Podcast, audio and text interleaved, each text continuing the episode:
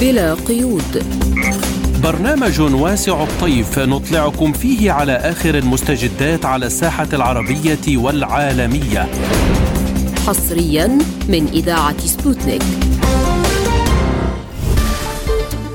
تحية طيبة مستمعينا الكرام في كل مكان في حلقة جديدة من برنامج بلا قيود. نصحبكم فيها أنا فرح القادري. وأنا عماد الطفيلي والبداية بأبرز العناوين. هجوم أوكراني مكثف بالمسيرات على عدد من المناطق الروسية. الجزائر تطرح مبادرة تشمل فترة انتقالية مدتها ستة أشهر لحل أزمة النيجر. وزير الخارجية الإيراني يقوم بزيارة سريعة إلى لبنان. هوكشتاين يصل بيروت لمتابعة اتفاق الحدود البحرية مع إسرائيل.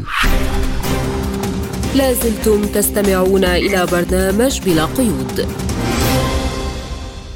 ونبدأ التفاصيل بملف الأزمة الأوكرانية حيث تستمر العملية العسكرية الروسية في أوكرانيا ويحبط الجيش الروسي محاولات قوات كييف المستميتة لاختراق دفاعاته على مختلف الجبهات ويكبدها خسائر فادحة بالعتاد والأرواح. في الوقت نفسه أعلن الجيش الروسي أنه أحبط في مقاطعتي موسكو وريزان الليلة الماضية محاولتين أوكرانيتين جديدتين لضرب أهداف في أراضي البلاد بمسيرات وذلك بعد التصدي لعدة هجمات مماثلة في مناطق روسية أخرى. وقالت الدفاع الروسية إن قواتها اعترضت فجر اليوم مسيرة أوكرانية في مقاطعة موسكو فتحطمت في منطقة روزا شمال غرب العاصمة. وفي وقت سابق أعلنت الدفاع الروسية عن التصدي لمسيرات أوكرانية في مقاطعات بريانسك وكالوغا وأريول وبسكوف. وذكرت وزارة الطوارئ الروسية أنه نتيجة الهجوم على بيسكوف اشتعلت النيران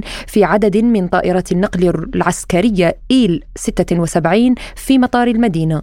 إليكم ما تقوله بهذا الصدد المتحدثة الرسمية باسم وزارة الخارجية الروسية ماريا زخارفا Утро было омрачено очередной террористической вылазкой киевского режима. لقد فجع هذا الصباح بهجوم إرهابي آخر من قبل نظام كييف الذي حاول تنفيذ هجمات إرهابية ضد المناطق الروسية وتم صدها إن مشكلة نظام كييف واضحة تماما تتمثل بالكراهية الغبية والغضب وغياب أي آفاق للتطور في التنمية وفقا لسيناريو الغرب كل ذلك أدى إلى هذا النشاط الإرهابي الإرهابي طريق مسدود بشكل مطلق. يسير فيه نظام كييف بإملاءات تفرض عليه محروما من أي خيارات أخرى.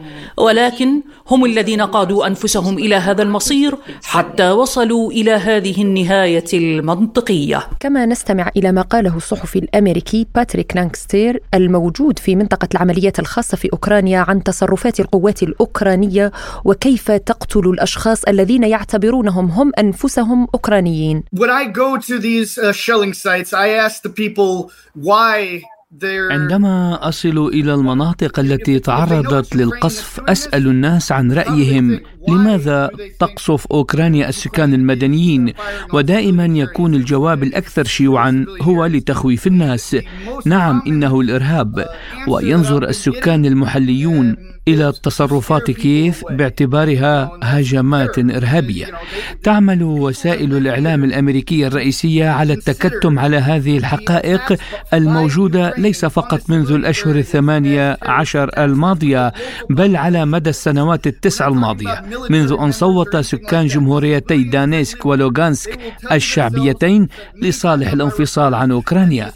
الشيء الوحيد الذي يسمح لأوكرانيا بالبقاء هو إمدادات الأسلحة الغربية لذلك فإن الأسلحة الغربية هي التي تقتل السكان المدنيين هنا في دونيتسك وبشكل عام في دونباس وسيستمر هذا طالما أن الغرب يقدم هذه الأسلحة أو حتى يجبر أوكرانيا على التخلي عن الأراضي التي تعتبرها روسيا تابعة لها. وللتعليق على هذا الموضوع ينضم إلينا من سيفاستوبل مدير مركز الدراسات الاستراتيجية والتنبؤ السياسي الدكتور عمار قناة. أهلا ومرحبا بك دكتور عمار. تحياتي لكم جميعا في ذكر دكتور عمار يعني هجوم جماعي بطائرات بدون طيار على الأراضي الروسية وبحسب بعض التقارير فقد شاركت فيها أكثر من 20 طائرة بدون طيار. يعني هل يحاول نظام كييف بهذه الهجمات الإرهابية إظهار بعض النتائج على الأقل أمام رعاته الغربيين. مما لا شك فيه يعني نعم هذا يعتبر يعني جزء من الأهداف الأساسية لهذه آه، الهجومات والتي هي تقريبا يعني لم تتوقف منذ أكثر آه، من شهر وهي مرتبطة مباشرة بتعثر الهجوم المضاد اولا ومن ثم يعني فشله. مسألة يعني تصدير مواد إعلامية للغرب تخوفا يعني من ايقاف يعني المنظومة الغربية لمد السلاح بعدم جدوى هذا الهجوم. فهم يعتبرونه أنه جزءا يعني لا يتجزأ من هذا الهجوم آه، آه، المضاد. فلذلك هم معنيين يعني بالأكثر. اولا بتصدير هذه المعلومات للمنظومة الغربية، ثانيا محاولات حثيثة لزعزعة المنظومة المجتمعية الروسية من الداخل وبين قوسين. إظهار بأن الدولة الروسية لا تستطيع حماية أمنها آه، القومي، لكن يعني كل هذه الهجومات باعتقادي لغاية الآن يمكن تصنيفها بأنها هجومات يعني ذات بعد سياسي أكثر مما هو آه، عسكري. وأعتقد إعلام وقد نعم. نعم. نعم وقد نعم وقد تكلمنا عن هذا الموضوع. يعني آه معكم وانها هذه العمليات ستستمر وستكثف لعدم وجود خيارات أخرى لدى النخبة السياسية في كييف وأيضا لدى آه، الولايات المتحدة في التعاطي مع المسار العسكري المتعثر. نعم يعني دكتور عمار البنتاغون أعلن عن تقديم حزمة جديدة من المساعدات آه، للجانب الأوكراني ولكن هذه المرة دون آه، ذخائر عنقودية برأيك يعني هل الدول الغربية وتحديدا تحديدا الولايات المتحدة الأمريكية. آه، صح لديها الضمير في أنها قد تتبع سياسة جديدة لهذه الأزمة آه، سواء تطيلها أو آه، لها مصالح أخرى من الجانب الروسي بعدها أن اكتشفت أنها لا تستطيع على مواجهة روسيا بفرض عقوبات. فيما يتعلق يعني في الأسلحة المرسلة وخاصة يعني العنقودية وإن كانت يعني باليورانيوم المنظم لا أعتقد أن المسألة لها علاقة يعني بالضمير الغربي يعني أو الأخلاقيات يعني من أرسل آه، ويرسل يعني هذه المسألة لا تقف يعني عند هذا آه، هذا الحد. لكن يعني مسألة مرتبطة بالتورط يعني التورط المنظومة الغربية وخاصة الولايات المتحدة وهي يعني مستفيدة نوعا ما الولايات المتحدة آه، اليوم يعني باستمرار هذه العمليات العسكرية وهذا الصراع. فيما يتعلق في الطرف الغربي الآخر أو لنقل يعني الأوروبي هو من يعاني أكثر وهو من يدفع يعني آه هذه الفواتير من جهة أخرى الولايات المتحدة مستمرة يعني سياسيا أضعف مما كانت عليه في السابق آه اقتصاديا ضمن التداعيات يعني العقوبات. لكن أيضا هناك تفعيل جديد للمجمع الصناعي العسكري الأمريكي لسنوات يعني طويلة.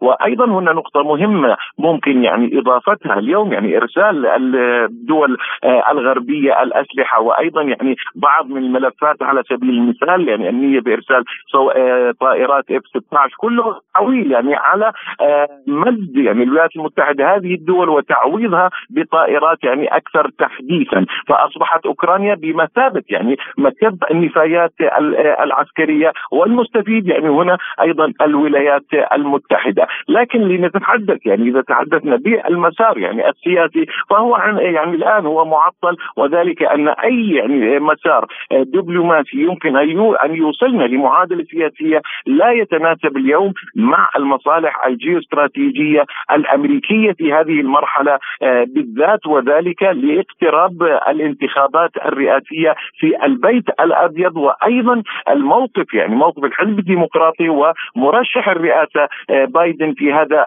الصدد. لا يمكنه اليوم يعني سياسيا وداخليا التراجع من أو عن هذا الدعم آه، المستمر وذلك للخطأ الاستراتيجي الذي قد ارتكبوه منذ البداية بما وضعوه بعدم إعطاء روسيا النصر الاستراتيجي آه، في هذا الصراع والتأكيد على النصر العسكري لأوكرانيا على الجبهات.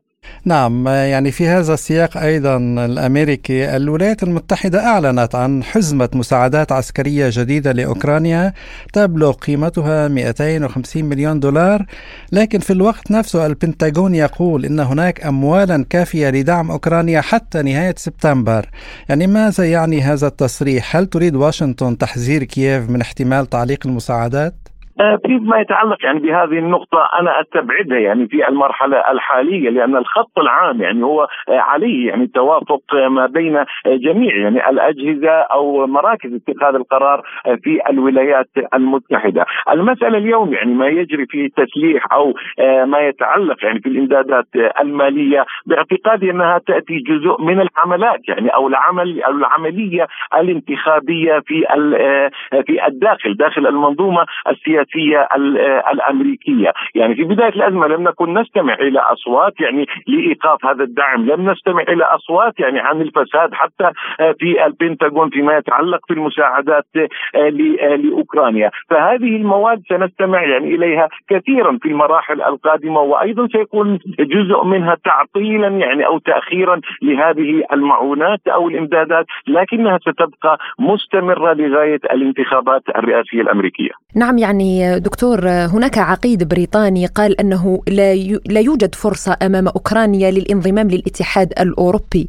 برأيك والسؤال الذي يطرح الآن هو هل تعتقد أن الغرب يطيل الأزمة والصراع في أوكرانيا حتى لا يعطي لكييف فرصة للانضمام للاتحاد الأوروبي؟ وما وهو أصلا من مصلحته تفكيك هذا الاتحاد؟ آه، سيدتي الكريمة فيما يتعلق يعني في مد أمد الأزمة هنا يجب يعني أن نأخذها أو نجزء يعني المنظومة الغربية إلى الكتلة الانجلوساكسونيه والكتلة وكتلة أوروبا الغربية وكتلة أوروبا الشرقية، فيما يتعلق في انضمام يعني آه أوكرانيا للاتحاد الأوروبي هذه المسألة يعني بت فيها منذ آه منذ آه زمن طويل وكانت يعني المنظومة الأوروبية تتلاعب يعني بأوكرانيا على هذا آه على هذا الأساس، آه فلذلك يعني هم يقولون بأننا آه ويقدم يقدمون لهم مساعدات وأيضا آه، أعطونا آه، كل الوثائق للانضمام. لكن من جهة أخرى الكل يعلق يعني رسميا بأن أوكرانيا هي غير جاهزة وبحقيقة الحال يعني لا يمكنها أن تنضم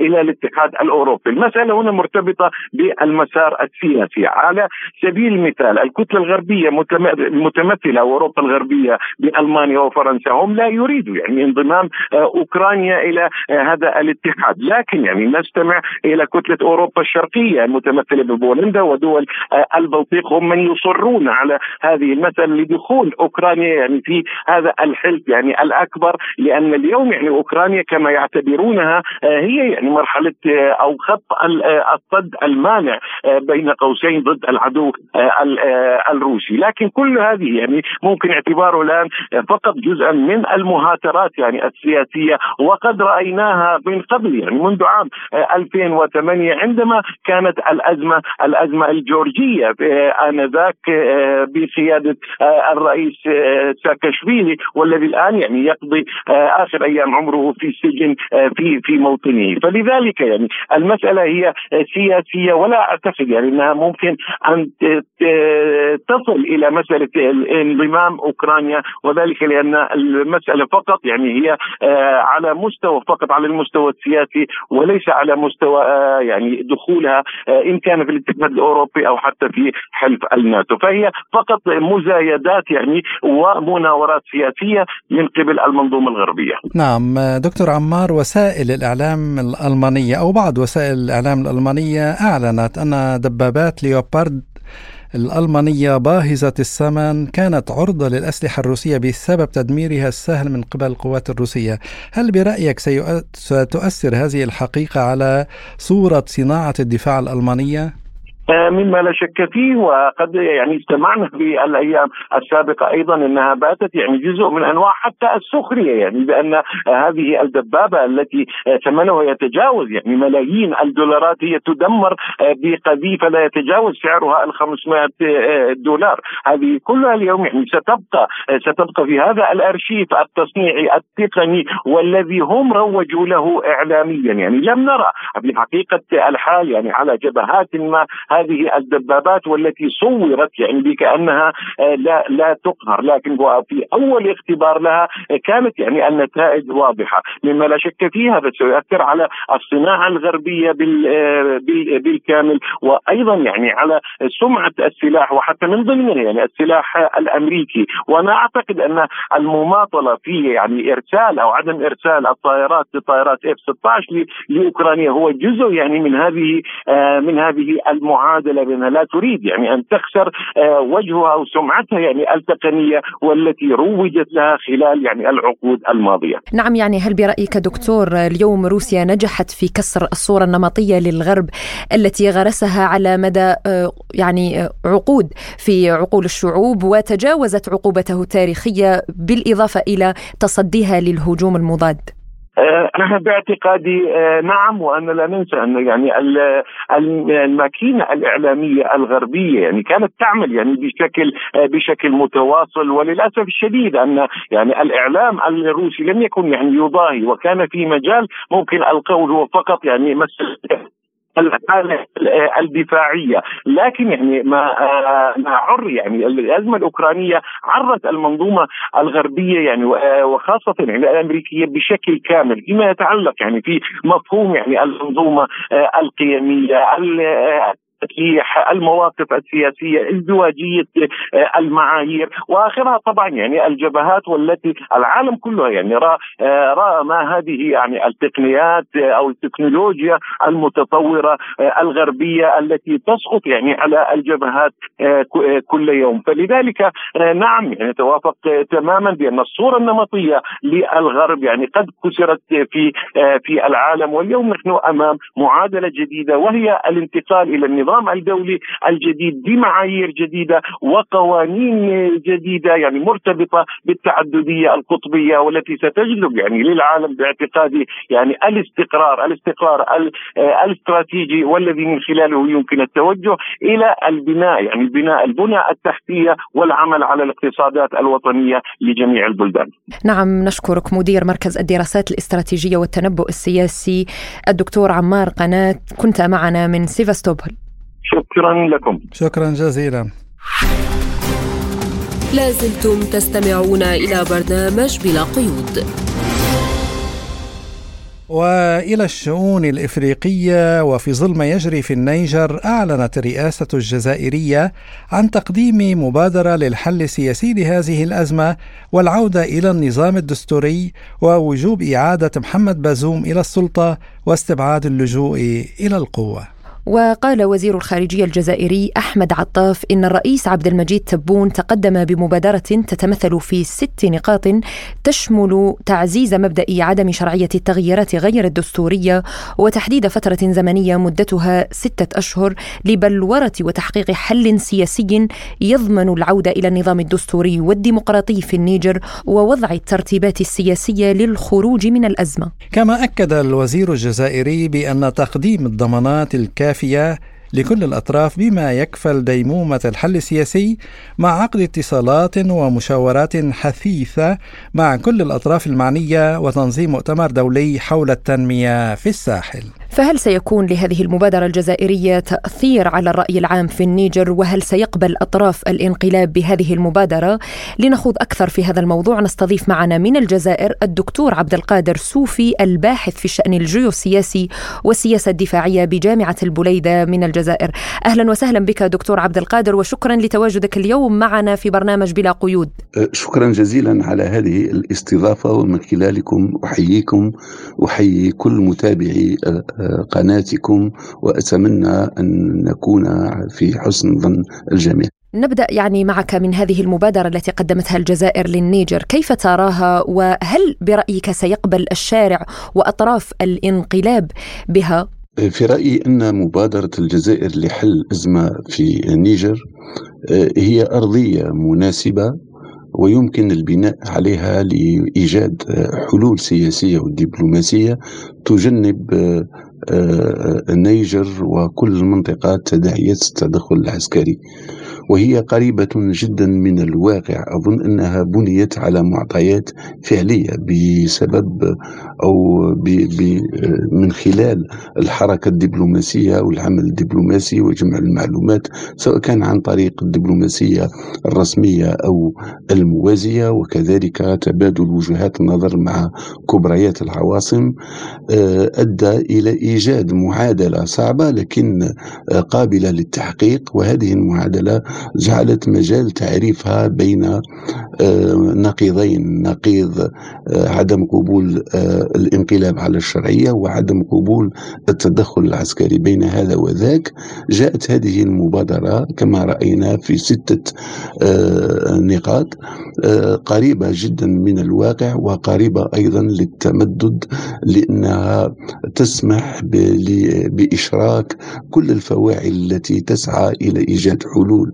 آه، واقعية وحلول سياسية آه، في آه، في ظرف أما فيما يخص المهلة أو مدة ستة أشهر فهي أيضا قابلة للتمدد. تبقى طرح مسبق أظن أنه في مجال إدارة الأزمات يمكن وضع نقاط الانطلاق أظن هذه ستة أشهر هي لا أظنها كافية لكن هي آه، بداية أو نقطة الانطلاق دول الإكواس على أعتاب التدخل العسكري في النيجر برأيك هل سيكون للجزائر موقف ما طالما أن هذا التدخل يهدد أمنها أيضا؟ أظن مع التطورات المتسارعة في المنطقة واليوم نحن نعلم أن هناك أيضا انقلاب في آه، الغابون.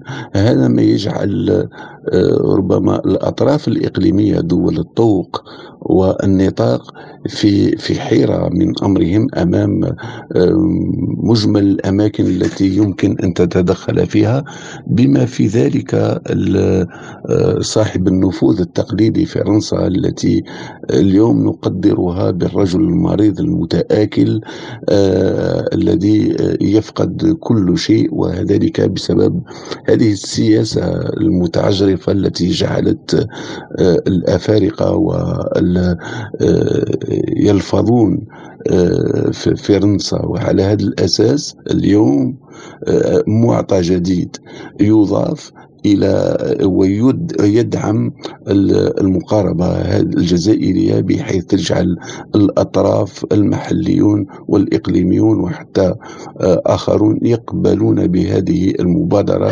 لأنها السبيل الوحيد لتجنب آه، الفوضى العامة وللحفاظ على المصالح أدناها على الأقل. يعني كما ترى المشهد السياسي في النيجر دول الإكواس على أعتاب التدخل العسكري. برأيك هل سيكون للجزائر موقف طالما أن هذا التدخل يهدد أمنها أيضا؟ أظن هناك مجموعة من المعطيات تجعل التدخل العسكري للإكواس مستحيل. دعيني أقول مستحيل لأكثر من سبب. أولا قبول الإكواس بالذهاب إلى الحل الدبلوماسي في آخر لقاء على مستوى مجلس السلم والأمن في الاتحاد الإفريقي. ثانيا القوى الفاعلة داخل مجموعة الإكواس ونتحدث عن نيجيريا آه، الحلقة الأقوى. نتحدث عن البنين وعن غانا. آه، أولا البنين ونيجيريا هي التي لها الحدود الأكثر من دول الإكواس. مع مع النيجر. بالإضافة إلى آه، بوركينا فاسو ومالي وتشاد وليبيا التي كلها ترفض التدخل آه، العسكري في آه، في النيجر. بالإضافة طبعا إلى الموقف الجزائري الرافض التام والمانع لأي تدخل عسكري كان يجعل كل دول الجوار أو كل حدود البرية للنيجر آمنة من أي تدخل كان. ثانيا آه، كون آه، قبول آه، دول من الإكواس الموقف الجزائري يقوي موقف النيجر. أو يقوي فرضية عدم التدخل العسكري. اليوم الإكواس ثلاث دول كانت مقبلة وهي مقبلة على الانتخابات الغابون سنغال وكوت ديفوار. فالمشهد النيجر يصبح هو المؤثر على الحملات الانتخابية ويجعل الحكومات ربما في ريب من أي عمل قد يفجر الشارع. شاهدنا كيف كان الحال بالأمس آه، بعد الإعلان عن النتائج في الغابون آه، أظن أن هذه هي أهم النقاط التي آه، تجعلنا ربما نقول لن يكون هناك تدخل. تبقى نقطة واحدة وهو التدخل من الداخل بسبب وجود قاعدة عسكرية فرنسية وكذلك محاولات زرع الفتنة أو الانقلاب على الانقلاب. أو آه، وشاهدنا أيضا أن آه، يوم آه، قبل أمس حاولت المروحيات الفرنسية أنها تضرب القصر الرئاسي في نيجر لكن الجيش النيجر تصدى لها. أخيرا ما يجعل هذه هذا التدخل تقريبا مستحيل أن تكاتف آه، بوركينا فاسو والنيجر آه، ومالي مع نيجر لرفض آه، التدخل وجاهزية الجيوش الثلاث للدفاع عن أي ضد أي تدخل يجعل المعادلة ربما أصعب أكثر كون أنه سنجد قوى إفريقية متضاربة وهذا تقريبا لن يكون افتعال هذا الانقلاب في النيجر في هذا التوقيت يعني ما هي دلالاته وما أهداف فرنسا تحديدا من خلق هذا التوتر في المنطقة برأيك؟ بطبيعة الحال أي تدخل عسكري في النيجر يمثل تهديد مباشر على الجزائر كون الجزائر تقتسم مع النيجر ألف كيلومتر تقريبا من الحدود. وهذا ما قد يؤدي إلى انفلات أمني تام في النيجر في حالة التدخل. وتصبح ربما الحدود الجزائرية عرضة للهجرة الجامعية لحركية الجريمة المنظمة والجماعات الإرهابية التي يمكن أن تنغمس داخل الحركات الهجرة وهذا بحد ذاته تهديدا كبيرا على الجزائر وعلى كل دول المنطقة. ولذلك الجزائر هي رافضة تماما لأي تدخل عسكري كان سواء كان من قبل دول أقواس أو من قبل فرنسا. بطبيعة الحال آه، فرنسا لها مصالح كبيرة وكبيرة جدا في كل منطقة آه، ليس في منطقة غرب إفريقيا لكن دعينا نقول في كل إفريقيا. هذه المصالح تتمثل في اولا الجوانب المالية والمصرفية البنكية التي تسيطر عليها من خلال البنك المركزي الفرنسي وفرنك السيافه ثانيا هي لها آه، ربما هي أكثر دولة آه، تأخذ من الثروات الباطنية لهذه الدول تقريبا دون مقابل بسبب اتفاقات الاستعمارية التي جاءت ما بعد استقلال الدول الإفريقية. ثالثا إنها هي من تستغل في آه، الموارد الطبيعية البشرية أيضا لصالح تحقيق أهدافها. رابعا وجودها العسكري موجود من أجل السيطرة على الحكومات وإضعاف آه، أي أي حركة آه، تهدد مصالحها.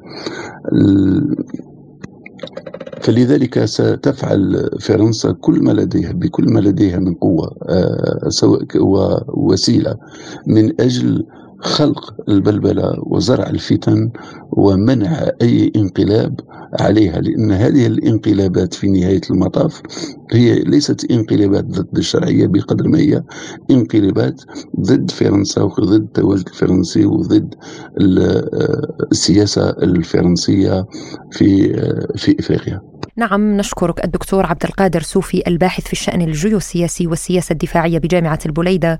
كنت معنا من الجزائر. لازلتم تستمعون إلى برنامج بلا قيود.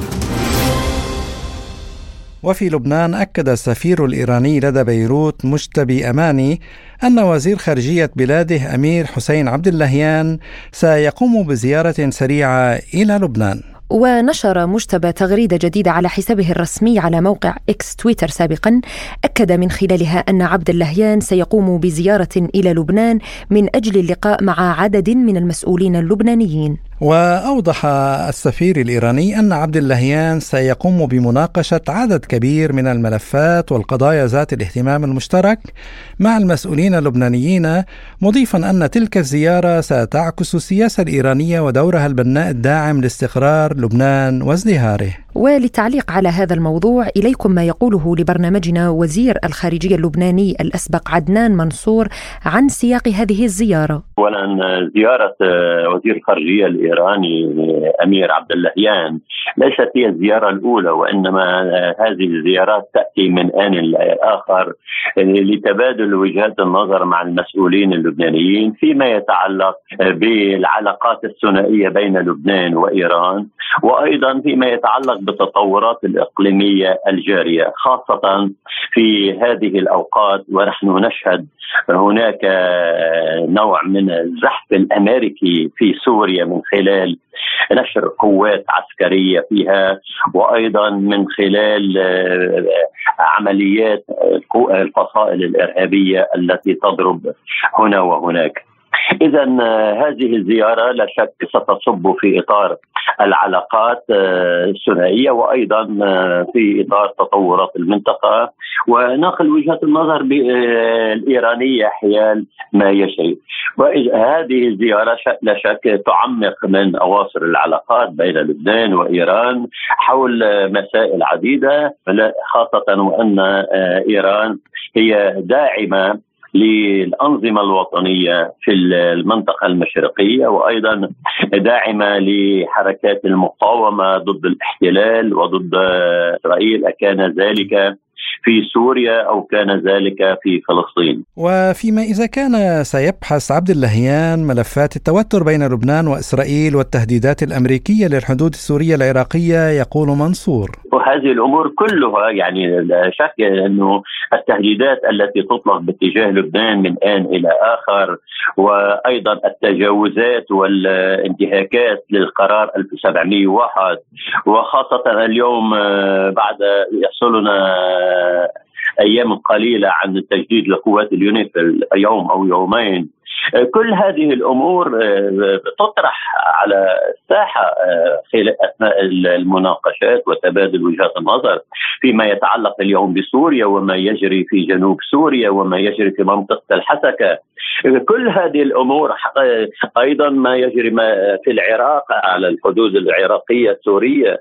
كل ذلك يستدعي آه، دون شك جولة أفق جولة أفق لما يجري خاصة وأن لبنان لا يمكن أن ينفصل عن محيطه وهو مرتبط بشكل أو بآخر بما يجري على حدوده. اليوم لا يمكن لأمن المنطقة أن يتجزأ. أن تدعي كل دولة أن استقرارها لا يعني استقرار دولة أخرى. على العكس استقرار أي دولة هو استقرار لدول المنطقة وأي توتر يصيب دولة سيؤثر ذلك سينعكس سلبا على دولها على الدول المجاورة لها. وحول احتمال زيارة الوزير الإيراني لسوريا يقول منصور بكل تأكيد يعني اليوم عادة يعني الوزير الخارجية الإيراني عندما يأتي إلى بيروت يعرج إلى سوريا يلتقي المسؤولين فيها وهذا التبادل بوجهات النظر لا تتوقف عند هذه الزيارة. هناك تبادل زيارات بين سوريا وإيران وأيضا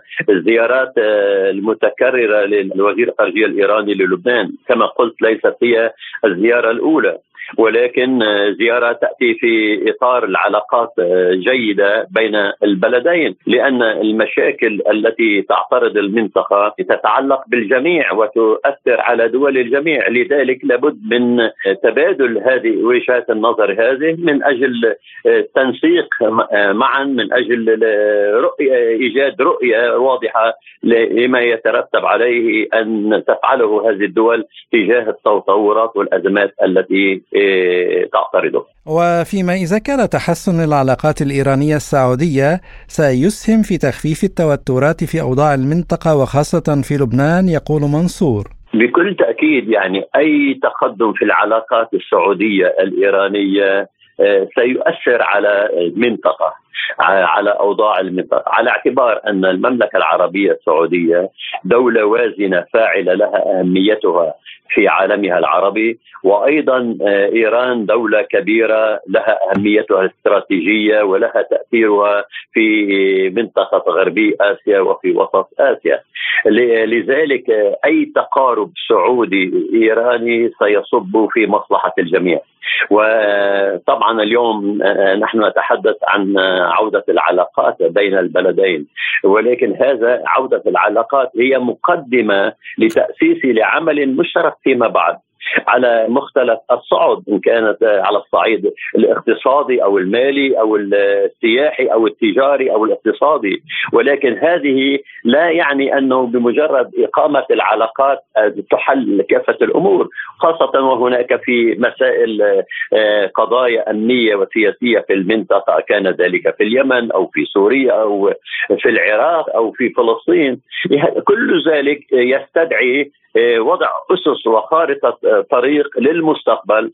هذه الخارطة تساعد جيدا على تهدئة الأوضاع في المنطقة تساعد على آه، نوع من التعاون المشترك والتنسيق التنسيق المشترك بين دول المنطقة. أكان ذلك بين المملكة العربية السعودية وإيران أو كان بين الاثنين وباقي دول المنطقة. كان معنا من بيروت وزير الخارجية اللبناني الأسبق عدنان منصور. لازلتم تستمعون إلى برنامج بلا قيود وفي ملفنا التالي ذكرت وسائل إعلام أمريكية أن الولايات المتحدة تكثف جهودها لتهدئة التوترات المتزايدة بين إسرائيل وحزب الله اللبناني ومنع اندلاع أعمال عدائية على الحدود. وتتخوف الإدارة الأمريكية من أن أي حادث حدودي صغير بين إسرائيل وحزب الله سيتحول بسرعة إلى صراع أكبر بكثير في لبنان ومن المرجح أن يكون له أثار إقليمية أوسع.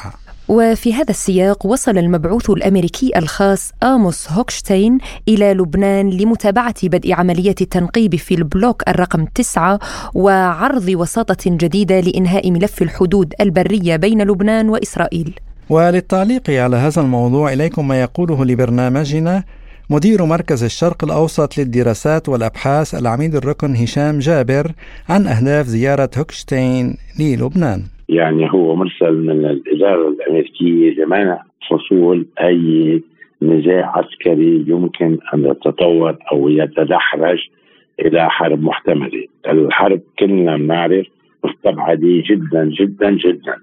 وأسرائيل آه، بحالة آه، يعني آه، أزمة داخلية غير مسبوقة. والحكومة الإسرائيلية أنا برايي الحالية مقيدة أصبحت لأن لا بتقدر تسن حرب على لبنان لا بتقدر كما هددت إنه تضرب إيران عسكريا وشرحنا ميران الأسباب. تقصف سوريا من وقت لآخر بادعاء إنه في مراكز إيرانية وآخرها مطار حلب مثل ما حكينا. فلذلك أنا بشعر أنه خيمتين ما قدروا الإسرائيليين يزيدوهم عن الحدود لأنه عم يجنبوا أي صدام عسكري مع حزب الله على أساس ما بيتحمل نتنياهو مسؤولية آه، إشعال الحرب. والقيام بالضربة الأولى لأنه هن الخبراء الإسرائيليين بيقولوا ستكون تداعياتها كارثية وخاصه خاصة غير الأرض على النفط والغاز لأنه بايدن اللي كان عراب الاتفاق بيقولوا الخبراء الإسرائيليين في حال حرب مع لبنان ستدمر منصات النفط والغاز الاسرائيليه من قبل حزب الله. لذلك هو مهمته إزالة التوتر أو إزالة إبعاد الفتيل فقط لا غير. وفيما إذا كان هوكشتاين سيتوصل إلى تحقيق تسوية بين حزب الله اللبناني وإسرائيل لإزالة أسباب التوتر على الحدود الجنوبية. يقول العميد جابر هو حزب الله حاطط شرط هو الخيمة مقابل الهجر فإذا قامت إسرائيل من جانبها ورجعت الشريط الشائك في وسط الغجر بين جنوب الغجر وشمال الغجر بشكل لأنه الغجر أرض لبنانية ومعترف فيها وما بقى في مناقشة يعني وحتى اسرائيل ما ادعت انه إنه هيدي بتدخل ب آه بالحرب ال 67 هي احتلت الغجر السورية. فاذا الغجر مقابل الخيمتين. أنا هذا اللي بعرفه موقف الله. هل ينجح؟ نعم. إذا اسرائيل بدها تخفف وتشيل الخيمتين. بتوقف القدم ومفهوم في نقاط المختلف عليها على الحدود يعني آه، بين لبنان وإسرائيل. المفروض هيدي بتنبحث على الطاوله ما فينا نحكيها نحن ونحددها على التليفون. بعتقد بينجح لأنه إسرائيل ما بتقدر مثل ما قلنا تجاه الوضع الداخلي. ما بتقدر تضل ساكتة وقاعدة لأنه بدها بدها تعمل بريك ثرو أو خرق في وقت في مكان ما إنما لا تستطيع إشعال الحرب فإذا أزال الخيمتين أو الخيمه ونص ورجعت اسرائيل غزل ممكن يكون في تسوية في هذا الموضوع. وعن ما يحضر له الكابينت الإسرائيلي من سيناريو حرب واسعة وشاملة على ضوء التوتر المتزايد على الحدود الشمالية وتهديدات أمين عام حزب الله يقول العميد جابر. لا يجب نتنياهو أن يقوم بالضربة الأولى على لبنان لأسباب عديدة إنما يتمنى أن يقوم حزب الله بالضربة الأولى لأنه سيصبح في موقف المدافع. ولا يمكن مهما كانت الخسائر عنده بإسرائيل نتيجة الحرب أن تكون جسيمة أن يلام لا بالداخل الإسرائيلي ولا أن تلومها أمريكا. هو يستدرج حزب الله ليقوم بالضربة الأولى. أما حزب الله فوعي وقال السيد حسن نصر الله لن نسمح لإسرائيل أن تستدرجنا إلى حرب تحدد هي زمانها. لذلك حزب الله بيظل يقول نحن كمان في موقف المدافع. استمعنا إلى مدير مركز الشرق الأوسط للدراسات والأبحاث العميد الركن هشام جابر. لازلتم تستمعون إلى برنامج بلا قيود. وفي الشأن الاقتصادي أعلن المدير التنفيذي لشركة السكك الحديدية الإيرانية ميعاد صالحي عن نقل شحنة عابرة ترانزيت روسية إلى السعودية مرورا بالأراضي الإيرانية. كما أكد مدير جمارك محافظة كلستان شمالي إيران شهريار شهرياري هذا الأسبوع دخول أول قطار حاويات روسي الأراضي الإيرانية في طريقه نحو المملكة العربية السعودية. القطار الروسي يحوي 36 حاوية وسيمر عبر منفذ إنجابرون الحدودي الواقع بين إيران وتركمانستان بعدما اختار طريقا آخر لنقل السلع ضمن ممر شمال جنوب. وأفاد المسؤول الإيراني بأن القطار الروسي سيمر من طريق فارمات شوا ومن ثم حدود أكيلا الواقعة ضمن حدود دولة تركمانستان ومنها إلى بلدة إنجابرون الإيرانية. وكذلك أشار المسؤول الإيراني إلى أن هذا الطريق يوفر إمكانية خفض فترة نقل وإيصال البضائع عدة أيام ويزيد من فرص إرسال قطارات الحاويات من محطات القطارات في منطقة جنوب الأورال في روسيا نحو ميناء بندر عباس عبر الطريق السككي في منفذي حدود إنجبرون وسرخس الإيرانيين. هذا وكانت وسائل إعلام قد أشارت في الحادي والعشرين من شهر يونيو حزيران الماضي إلى انطلاق أول قطار حاويات متجه إلى المملكة السعودية من محطة الشحن تشيليابنسك الروسية ويتبع القطار ممر النقل الدولي شمال جنوب عبر كازاخستان وتركمانستان وإيران. حول هذا الموضوع قال رئيس مركز القرن للدراسات بالرياض الدكتور سعد بن عمر لبرنامج بلا قيود حول المصالح التي تجنيها المملكة العربية السعودية من التقارب مع إيران. أه، أولا السعودية يعني أه، لا تؤمل كثيرا على أه، موضوع المصالحة الإيرانية لأن لديها خطط اقتصادية كاملة اللي هي رؤية 2030 لكن المصالحة السعودية الإيرانية هي تعتبر لا شك رافد من روافد التنمية في المملكة العربية السعودية وقد يكون رافد رئيسي لدى إيران. آه، أيهما أهم؟ لذلك أعتقد أن آه، المصالحة السعودية الإيرانية هي بالدرجة الأولى آه، يعني رافد أمني واستقرار للمنطقة.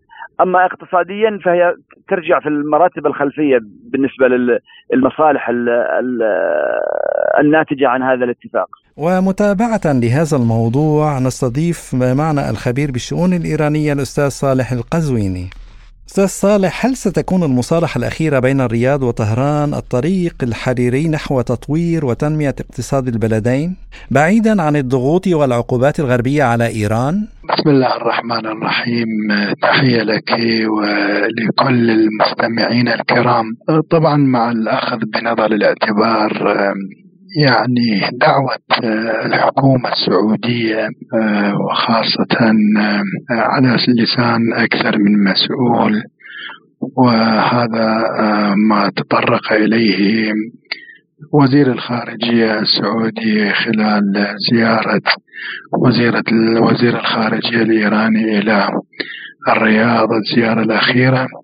كانت آه، هناك دعوة إلى تطوير العلاقات الاقتصادية وكذلك التعاون الأمني بين البلدين يعني السعودية في الوقت الراهن أولويتها هي تطوير العلاقات آه، الاقتصادية وكذلك تكثيف آه، وتعزيز التعاون الأمني بين بين البلدين. الأمر الذي ينعكس بالتأكيد على طبيعة هذه العلاقات. آه، بالتأكيد سنشهد آه، نوع آه، من التقدم في هذا الإطار. سنشهد قريبا دخول شركات سعودية إلى إيران والاستثمار في إيران. كذلك الحال بالنسبة إلى إيران بالتأكيد أنه سنشهد بضائع إيرانية. وربما آه، شركات آه، إيرانية آه، تصل إلى السعودية ويمكن أن تقدم خدماتها في هذا المجال. إلى جانب التبادل التجاري بين البلدين. نعم كما تتفضلون أنه ستشهد العلاقات الاقتصادية تطور تطور إيجابي بشكل ملفت. طبعا بلا شك آه، أنه آه، يعني بعض الدول وخاصة الولايات المتحدة الأمريكية سوف تضع العراقيل أمام يعني التعاون ورفع مستوى التبادل بين البلدين مستخدمة في ذلك سلاح التبادل المالي أو العلاقات المالية ومنع البنوك الإيرانية من الحصول على عائدات الدولار.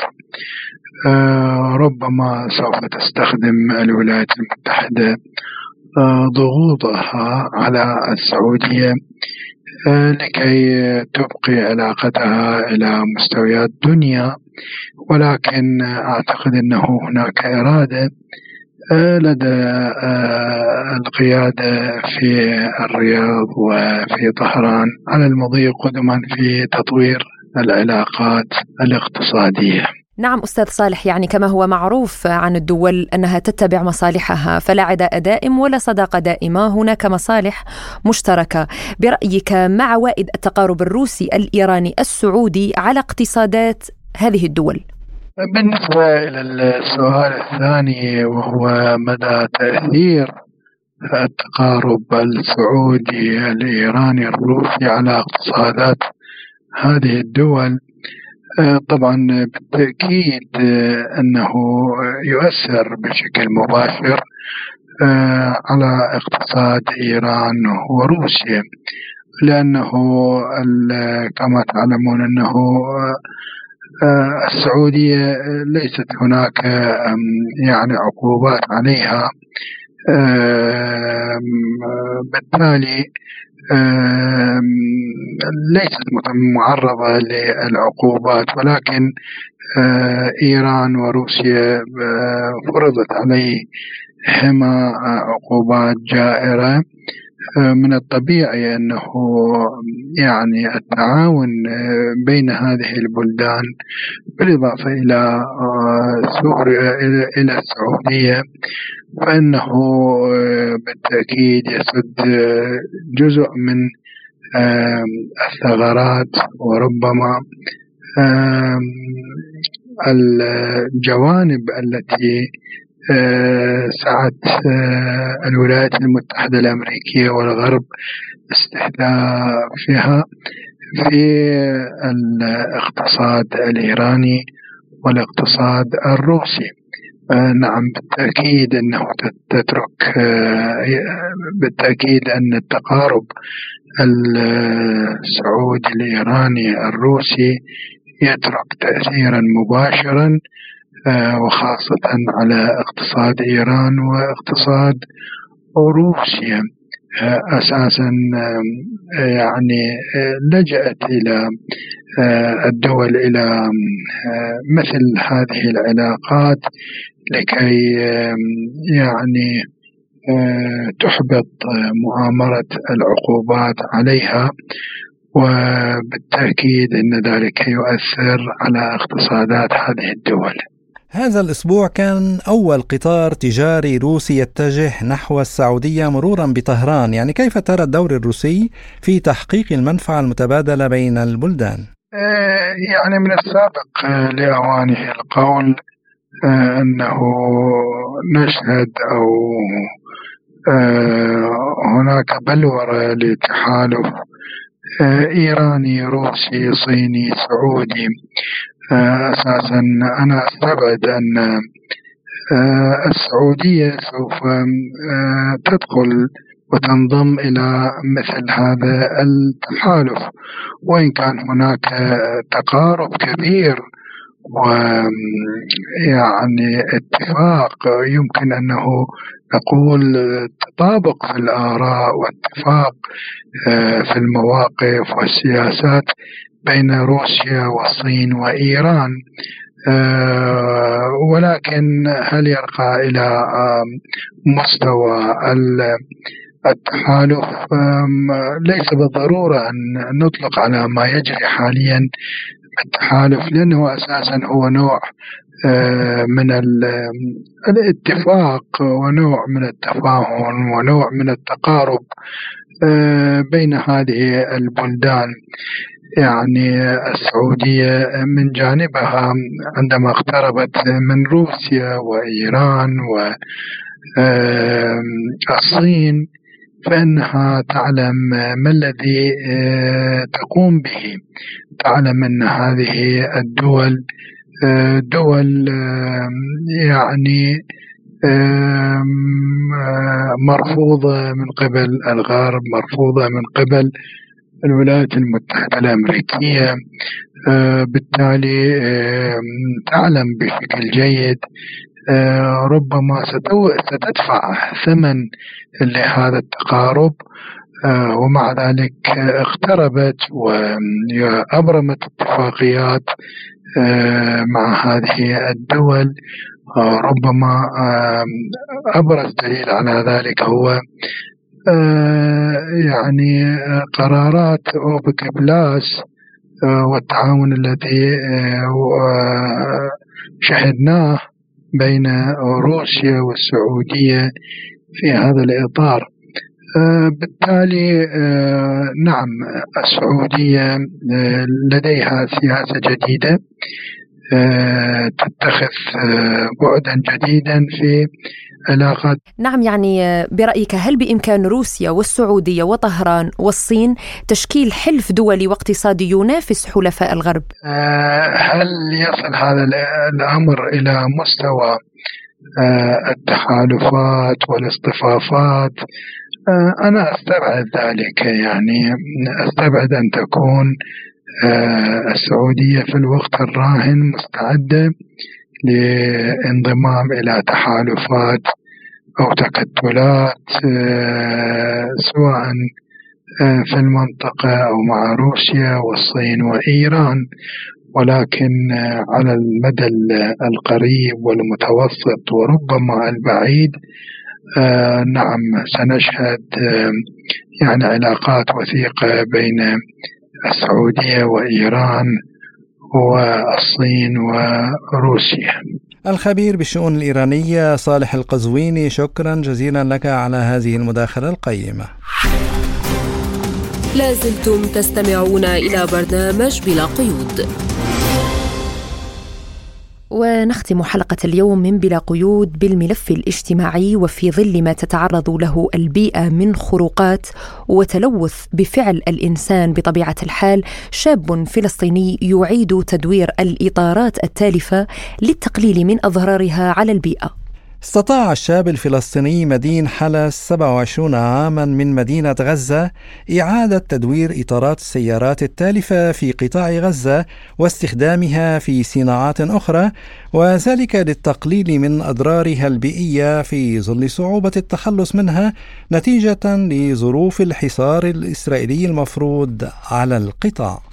واستوحى الشاب مدين فكرة مشروعه من تخصصه الذي تخرج منه وهو الجيولوجيا البيئية ومصادر المياه وهو تخصص نادر ما يحصل الخريجون منه على فرص للعمل ما جعله يبحث عن مصدر دخل قريب من تخصصه.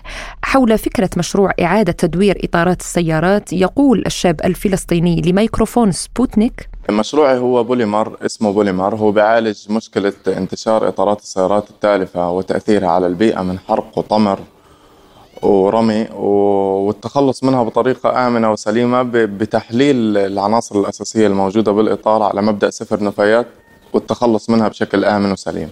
بلشت فيه من شهر ستة بعد حرب 2021 كان الهدف منه اللي هو الحصول على فرصة عمل ذاتية خصوصا انه إحنا كجيولوجيين ما لنا كثير فرص عمل في قطاع غزة. وبنفس الوقت أعالج مشكلة كنت أنا بعاني منها شخصيا وبيتي وأسرتي والحي اللي أنا فيه. وهو اللي خلاني أستلهم هاد فكرة هذا المشروع من خلال اللي هو مكان لحرق إطارات السيارات كان بالقرب من بيتي. وتشمل إعادة التدوير عدة مراحل حيث يعمل حلس على جمع الإطارات من أماكن عديدة في القطاع ومن خلال أصحاب العربات المتنقلة ثم يقوم بعملية طحنها بواسطة آلة قام بتجميعها ثم يعمل على إعادة استخدام هذه الإطارات البالية في صناعات مطاطية بديلة تستخدم في مجالات عديدة. وعن الصعوبات التي يواجهها هذا المشروع يقول مدين حلس لسبوتنيك. اليوم هذا المشروع بعد ثلاث سنين من المعاناة قدر يوصل لمنتج معين. صح المكنات والمعدات صغيرة وما بتضاهي آه، خطوط إنتاج عالمية لكن المنتجات الموجودة هي بتضاهي آه، المنتجات العالمية وبتضاهي المنتجات المستوردة. بوفر فرص عمل للعديد من العاطلين عن العمل وبوفر منتجات كمان آه، كنا في السابق نستوردها اليوم أصبحت موجودة ومتاحة في البلد آه، بتخدم عدة قطاعات منها قطاع الرياضة منها قطاع الصناعات منها قطاع الزراعة ومنها قطاع الإنتاج الحيواني والإنتاج النباتي.